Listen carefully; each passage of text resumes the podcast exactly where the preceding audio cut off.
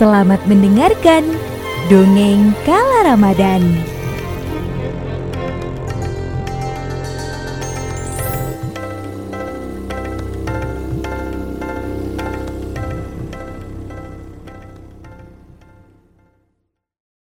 Assalamualaikum. Dongeng Kala Ramadan hari ini akan bercerita tentang Nabi Muhammad dan Abu Lahab Berita bahwa Muhammad telah menjadi nabi sekarang sudah beredar dari mulut ke mulut. Pengikut beliau semakin bertambah setiap harinya. Sekarang sudah memiliki 45 pengikut. Walau masih dilakukan secara diam-diam. Hingga pada suatu hari, malaikat Jibril datang kepada beliau dan menyampaikan perintah Allah untuk menampakkan dakwahnya atau berdakwah secara terang-terangan. Seperti apa yang dikatakan dalam surah Al-Hijr ayat ke-94 yaitu Maka sampaikanlah Muhammad secara terang-terangan segala apa yang diperintahkan kepadamu dan berpalinglah dari orang yang musyrik. Teman-teman, ternyata dalam berdakwah secara terang-terangan, Rasulullah tidak melakukannya dengan mudah. Banyak hambatan, cobaan, dan kebencian yang datang dari orang-orang terdekatnya dan orang kafir lainnya. Salah satu cobaan di awal masa berdakwah Rasulullah datang dari pamannya sendiri yang bernama Abu Lahab. Hinaan dan fitnah terus dilakukan oleh sang paman kepada Nabi Muhammad Setelah turun perintah untuk berdakwah secara terang-terangan, Rasulullah pada suatu hari pergi menuju Bukit Safa dan kemudian memanggil orang-orang untuk berkumpul. Orang-orang yang sangat percaya kepada Nabi Muhammad pun langsung datang menuju Bukit Safa. "Hai Muhammad, mengapa kau mengumpulkan kami?" tanya salah seorang yang ada di sana. Kemudian Nabi Muhammad pun bertanya kepada mereka, Apakah mereka akan percaya kepadanya jika beliau mengatakan ada musuh di balik bukit ini dan musuh itu berkumpul untuk menyerang sebentar lagi? Tanya Rasulullah kepada orang-orang yang berkumpul. Karena semua orang tidak pernah mendengar Rasulullah berbohong, maka serempak mereka menjawab, Tentu saja kami percaya. Kau bisa dipercaya dan kau sama sekali bukan pembohong. Iya, kami sangat percaya denganmu. Mendengar jawaban tersebut, Rasulullah pun kemudian meminta mereka untuk mendengarkan ucapan beliau bahwa Allah itu satu dan tidak ada pencipta selain Dia, dan Muhammad merupakan utusan Allah. Dan barang siapa yang percaya dengan apa yang Rasulullah katakan, mereka akan masuk surga. Orang-orang yang berkumpul di bukit itu langsung diam setelah Nabi Allah menyampaikan itu semua. Mereka tidak menyangka Nabi Muhammad akan mengatakan hal tersebut.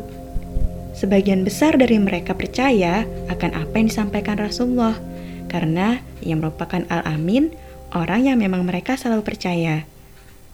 Tapi sebagian lagi yang berhati jelek, mereka menentang.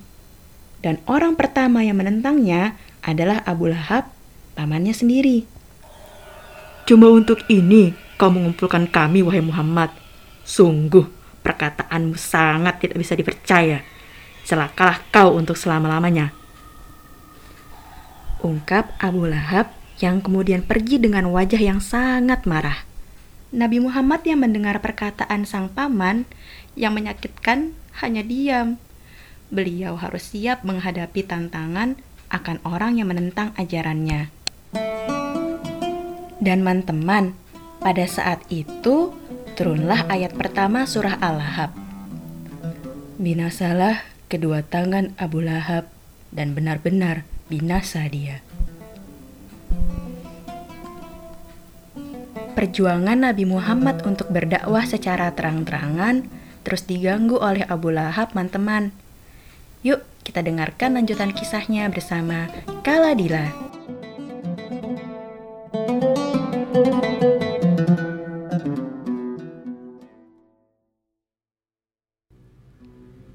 Terima kasih banyak ya Kak Atika. Seru banget ya teman-teman ceritanya. Sekarang yuk kita lanjut. Man teman, paman beliau yaitu Abu Lahab dan istrinya yaitu Umul Jamil serta anak mereka yaitu Utbah ternyata adalah tetangga Rasulullah. Setiap hari mereka melempari rumah beliau dengan batu. Ummu Jamil pun pernah membawa ranting berduri ke depan pintu rumah Nabi dan menebar duri itu di sepanjang jalan yang akan dilewati beliau. Tapi Rasulullah Shallallahu Alaihi Wasallam dengan hatinya yang baik tidak pernah membenci sang paman dan keluarganya. Ia tetap bersabar dan terus berdakwah.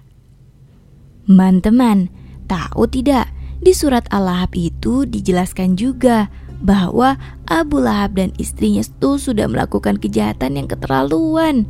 Maka mereka kelak di hari akhir akan menerima balasannya. Hal ini pun sesuai seperti yang tertera dalam ayat 2 sampai 5 di surah Al-Lahab. Yang artinya, tidaklah berguna baginya hartanya dan apa yang dia usahakan Kelak, dia akan masuk ke dalam api yang bergejolak, dan begitu pula istrinya, pembawa kayu bakar penyebar fitnah.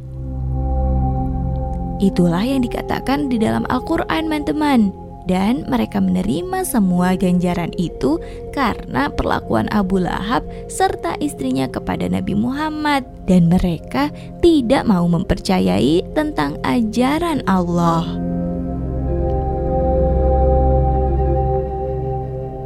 Itu semua benar teman-teman. Ummu Jamil terus menyebarkan fitnah kepada orang-orang mengenai Nabi Muhammad di setiap harinya. Kebencian Abu Lahab pun semakin lama semakin jadi. Ia mulai mengumpulkan orang-orang menyiapkan strategi perang untuk melawan Nabi Muhammad dan pengikutnya. Tapi dikarenakan usianya yang sudah tua, Abu Lahab pun tidak ikut berperang. Hingga pada suatu ketika, tuh Abu Lahab sedang berjalan di sekitar rumahnya dan bertemu dengan Ummu Fadl, istri Abbas yang sedang bersama budaknya. Wahai Abu Lahab, mengapa kau tak ikut berperang untuk membela Tuhanmu Lata dan Uza? Ungkap Ummu Fadl menanyakannya. Untuk apa aku turun ke medan perang? Cukup hartaku yang menggantikanku. Lagi pula, aku sudah terlalu tua untuk berperang. Ungkap Abu Lahab menjawab. Dan di tengah pembicaraan mereka, tiba-tiba lewatlah beberapa laki-laki yang baru saja pulang dari berperang. Abu Lahab pun menanyakan kepada mereka, Bagaimana hasil perang? Kita kalah wahai Abu Lahab. Jumlah kaum muslimin memang lebih sedikit dari kita. Namun, mereka dibantu oleh pasukan perkasa berbaju putih yang sangat pandai berperang. Apalagi banyak dari kaum kita yang menjadi tawanan mereka. Ungkap salah seorang yang baru pulang dari berperang. Budak Ummu Fadl yang ada di sana menimpali tentang hal yang baru saja ia dengar. Itu pasti malaikat yang dikirim Allah untuk membantu kaum muslimin. Hai, diam kau budak, ungkap Abu Lahab sambil mendekati budak laki-laki itu dan kemudian memukulnya dengan kayu berkali-kali. Ummu Fadl yang melihat kejadian itu pun merasa sangat kasihan kepada budaknya. Karena tak tahan melihat budaknya disakiti, Ummu Fadl pun mengambil kayu besar dan memukul kepala Abu Lahab sampai ia terluka dan jatuh. Abu Lahab yang sudah luka akhirnya pulang ke rumah. Tapi teman-teman, luka di kepalanya itu semakin lama semakin melebar ke seluruh tubuh. Kemudian berbau busuk dan menular.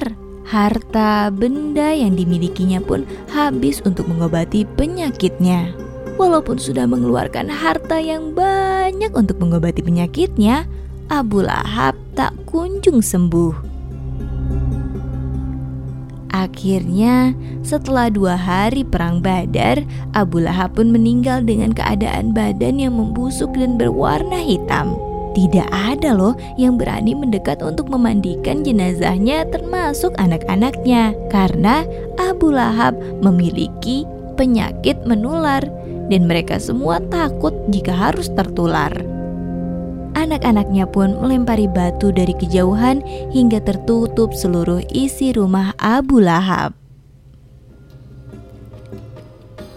Nah, teman-teman, dari kisah ini kita tahu bahwa kita tidak boleh mengingkari ayat-ayat Al-Quran yang telah diturunkan oleh Allah, dan juga kita tidak boleh sombong, menyakiti tetangga kita sendiri, serta membanggakan harta benda yang kita miliki. Karena sesungguhnya kita tidak memiliki apa pun di dunia ini selain iman Islam dan akhlak baik yang harus terus dijaga sampai mati. Terima kasih sudah mendengarkan. Yuk ngabuburit bareng bersama dongeng Kala Ramadan di episode selanjutnya.